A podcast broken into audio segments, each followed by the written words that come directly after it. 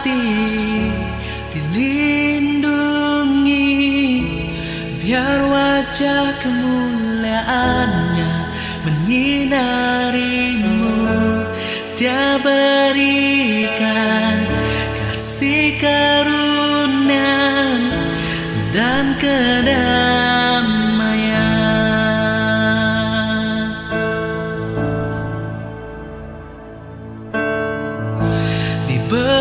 Diberkati, dilindungi, biar wajah kemuliaannya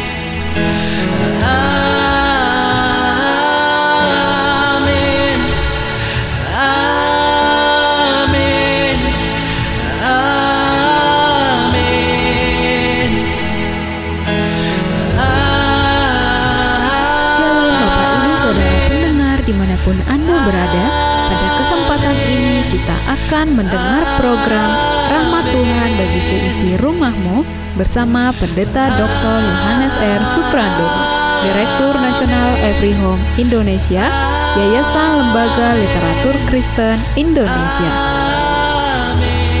Selama bulan Desember, program ini akan menemani saudara. Buka hati saudara sekalian untuk menerima rahmat Tuhan bagi hidup saudara hari ini.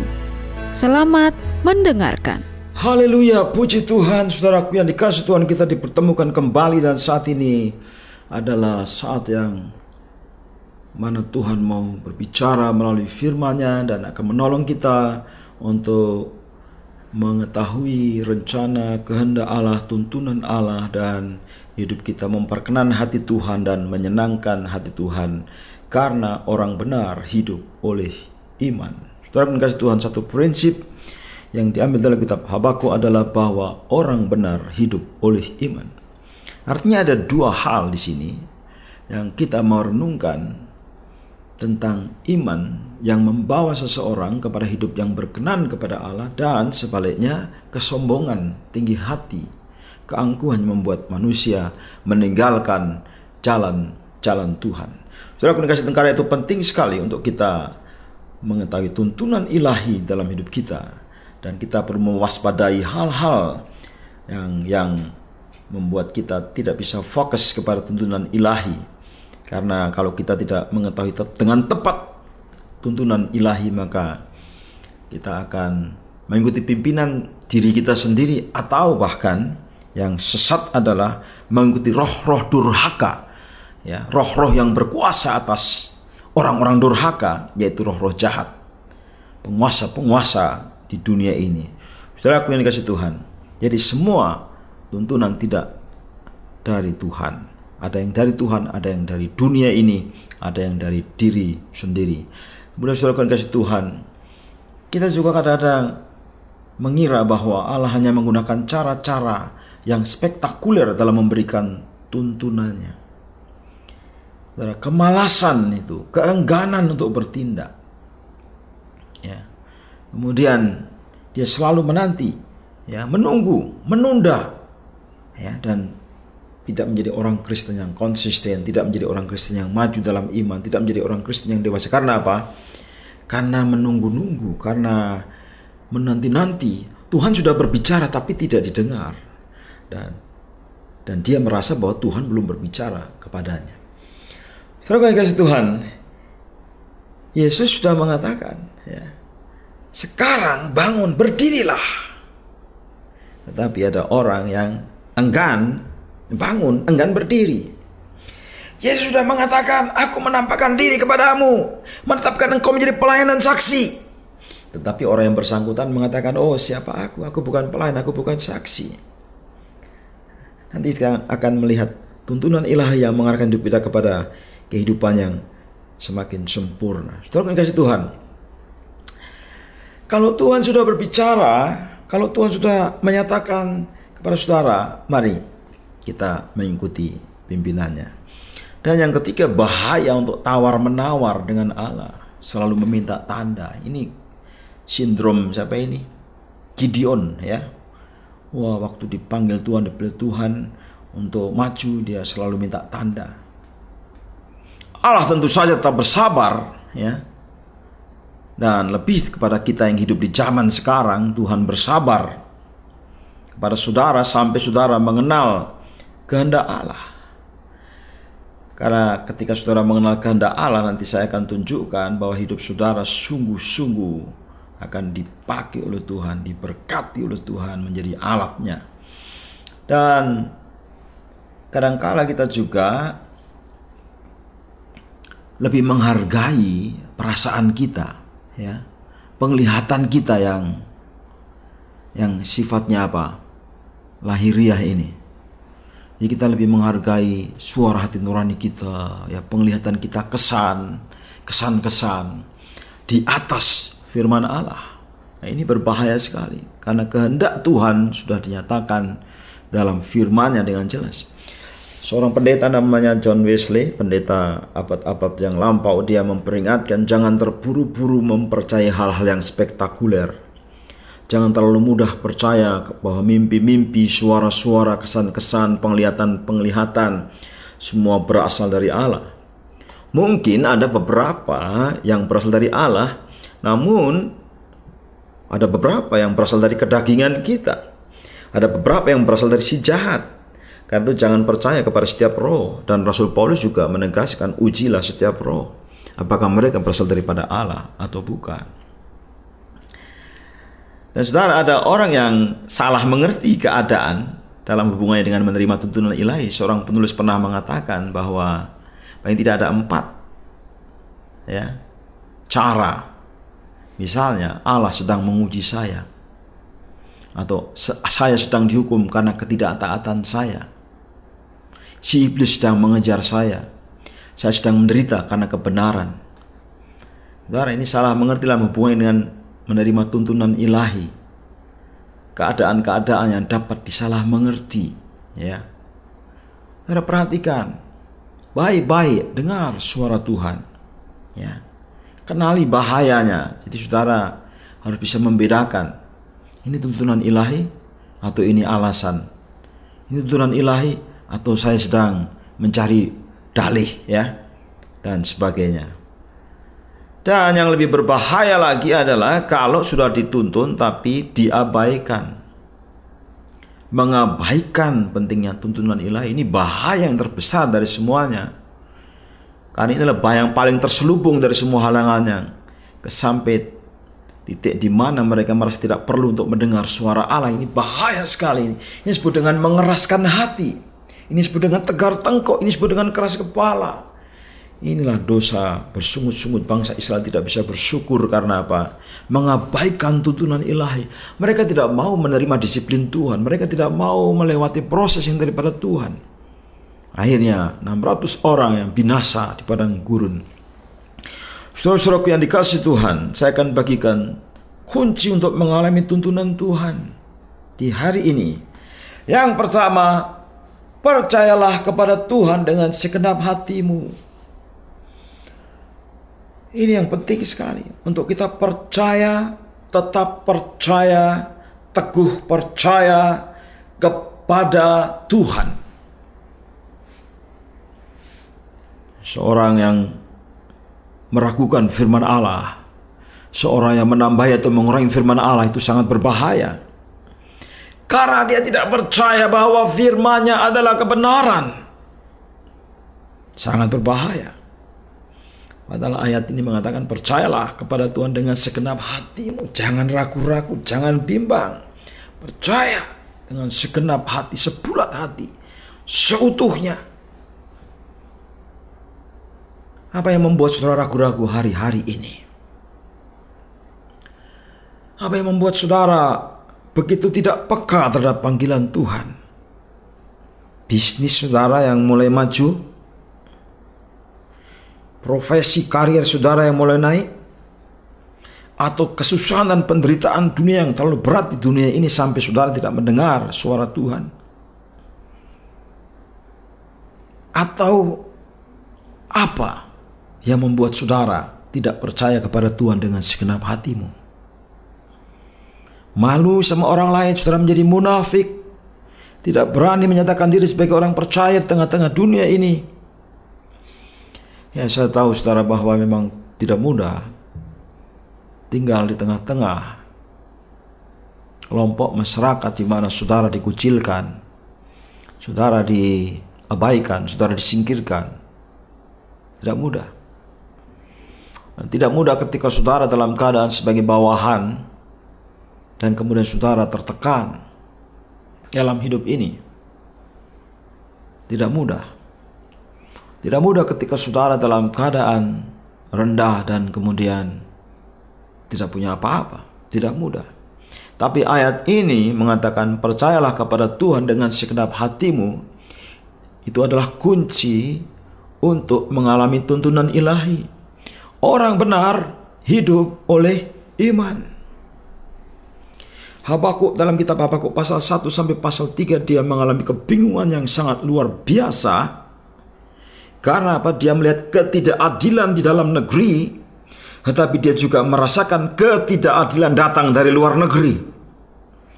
Internalnya juga bermasalah, eksternalnya juga bermasalah. Luar dalam bermasalah. Bagaimana dia bisa percaya kepada Tuhan? Dia mulai bergumul dengan Tuhan dan Tuhan berikan visi upaya dia percaya kepada Tuhan. Apa pun yang dia lihat, yang dia rasakan, yang dia pikirkan, tetap percaya kepada Tuhan dan dia mendapat jawaban. Bangsanya menerima hukuman dari Babel, bangsa Babel juga menerima hukuman di kemudian hari karena kejahatannya. Jadi yang kasih Tuhan, Jangan ragukan firman Tuhan. Jangan ragukan tuntunan Tuhan. Jangan ragukan pesan yang daripada Tuhan yang sudah jelas. Dan jangan berdalih. Percaya kepada Tuhan dengan segenap hati. Yunus lari 2000 kilo ke Tarsis. Dan kemudian Yunus ditangkap oleh ikan. Karena dilempar ke laut. Dimakan. Harusnya Yunus makan ikan. Ini Yunus dimakan ikan, saudara ya. Ini. Untungnya ikannya baik, diperintah Tuhan mau ya, suruh melempar Yunus yang mati ya, saudara ya, telan ikan itu. Kemudian hidup lagi ya, setelah ada di daratan. Akhirnya dia khotbah lagi dan banyak orang percaya kepada Tuhan. Yunus jadi kaget. Bangsa yang jahat, ya, bangsa Nineveh, bangsa yang kejam, yang biadab, bisa percaya kepada Tuhan. Tara, percayalah kepada Tuhan dengan segenap hatimu. Alami pertobatan yang sungguh-sungguh dan serahkan hidup kepada Tuhan. Yang kedua, jangan bersandar kepada pengertianmu sendiri. Ini orang yang beriman. Ya, iman, ilmu, ya, sains dan iman. Seperti bertabrakan tidak, Saudara, ya. Kalau pada saat kita menggunakan akal budi kita, menggunakan kecerdasan kita, menggunakan kapasitas-kapasitas manusiawi kita, gunakan dengan sepenuhnya, dengan sungguh-sungguh. Tapi ada saat di mana kita tidak bisa bersandar kepada pengertian kita lagi.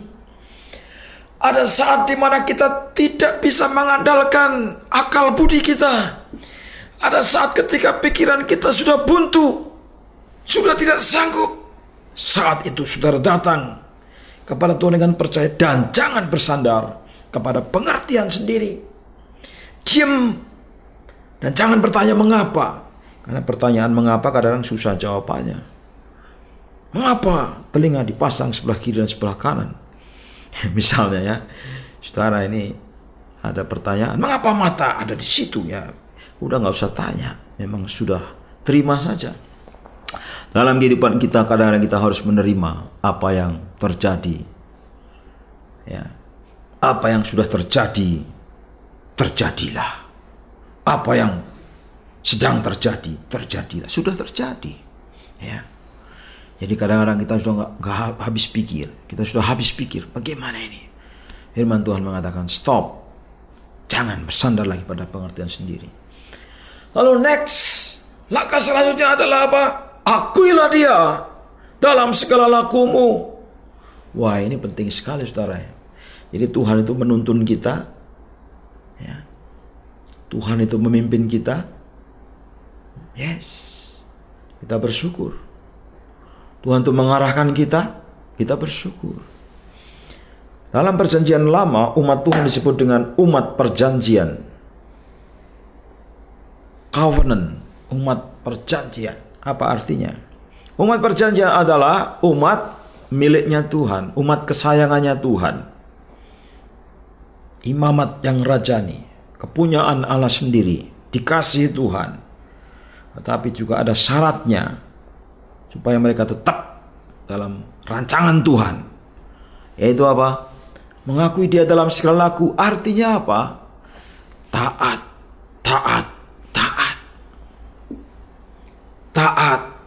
taat, taat sepanjang jalan. Tidak berbelok ke kiri ke kanan. Taat, taat dan taat. Akuilah dia dalam segala lakumu. Dan ia berjanji akan meluruskan jalanmu. Kecenderungan manusia bisa bengkok-bengkok. Tuhan bisa meluruskan. Izinkan Tuhan ya, meluruskan hidupmu.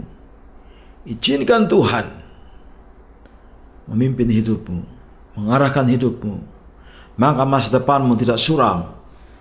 Masa depanmu akan menjadi terang benderang. Banyak anak-anak muda yang ditanya ketakutan apa yang mereka miliki. Salah satunya ketakutan akan masa depan. Mereka takut gagal. Mereka takut kalau susah hidupnya. Mereka takut kalau nggak punya jodoh.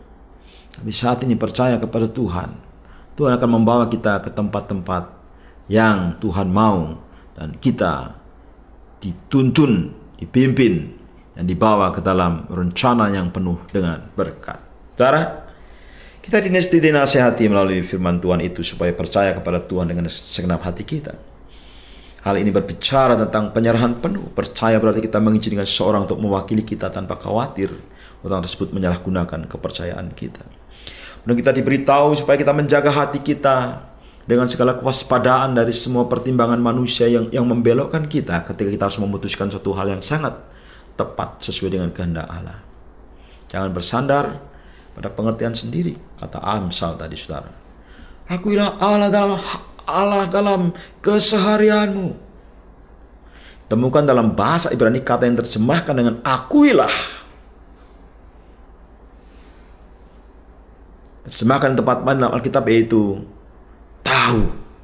Ya, akuilah, yada. Tahu, kenalah. Kenalah Tuhan.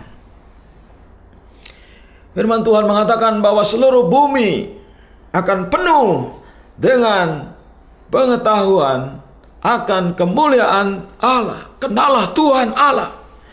Karena pengenalan akan Tuhan itu kehendak Tuhan dan itu bisa terjadi kapan saja kepada siapa saja. Tuhan mengasihi manusia, dia ingin dikenal. Dan kita yang sudah mengenal, akuilah dia. Ini saudara, Artinya selamat datang ke dalam pembelajaran ini. Ya.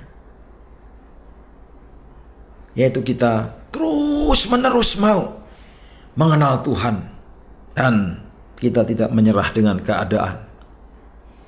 Pengenalan Tuhan. Ada orang yang mengatakan, oh, Pak susah sekali hidup saya. Di tengah-tengah himpitan, tengah-tengah jepitan, terpojok. Tetapi percaya kepada Tuhan. Dia menyanggupkan kita. Dia menolong kita. Dan dia akan melepaskan kita dari kesulitan-kesulitan. Saudara kasih Tuhan. Bagaimana selanjutnya kita bisa tetap tinggal dalam penyerahan yang total itu. Itu tidak ada jalan yang lain. Dalam pengakuan yang total akan siapa Allah dalam keseharian kita kecuali kita masuk ke ruang doa. Di mana kita tutup pintu dan kunci. Kita berjumpa dengan Sang Pencipta setiap hari.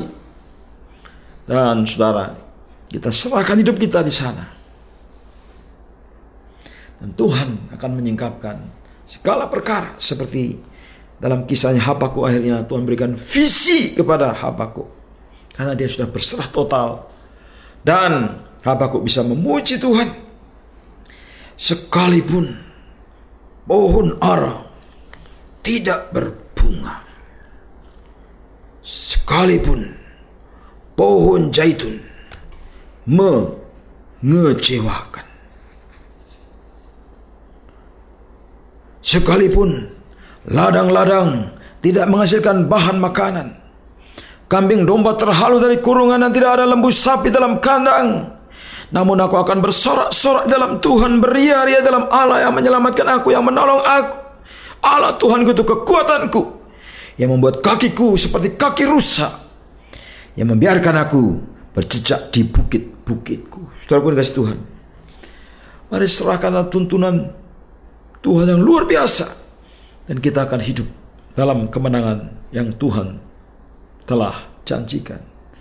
Tuhan menciptakan kita menjadi ciptaan baru supaya kita hidup di dalam rencana Allah untuk melakukan perbuatan-perbuatan besar, perbuatan-perbuatan baik yang telah tetapkan Allah sebelumnya. Tuhan Yesus memberkati saudara dan melindungi saudara. Tuhan Yesus menyinari saudara dengan wajahnya, memberi saudara kasih karunia dan Tuhan Yesus mengadakan wajahnya kepadamu dan memberi engkau damai sejahtera. Kiranya Tuhan memberikan kepada saudara tuntunan yang real dan nyata hari ini juga.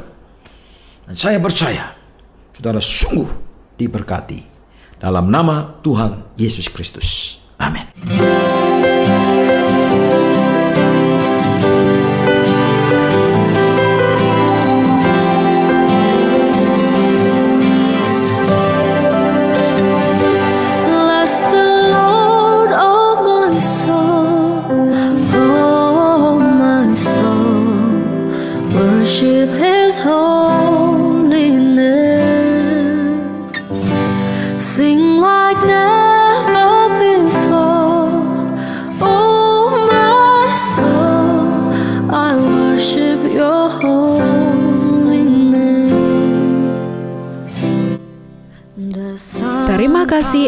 Sudah mendengarkan program Rahmat Tuhan bagi seisi rumahmu bersama Pendeta Dr. Yohanes R. Suprandono.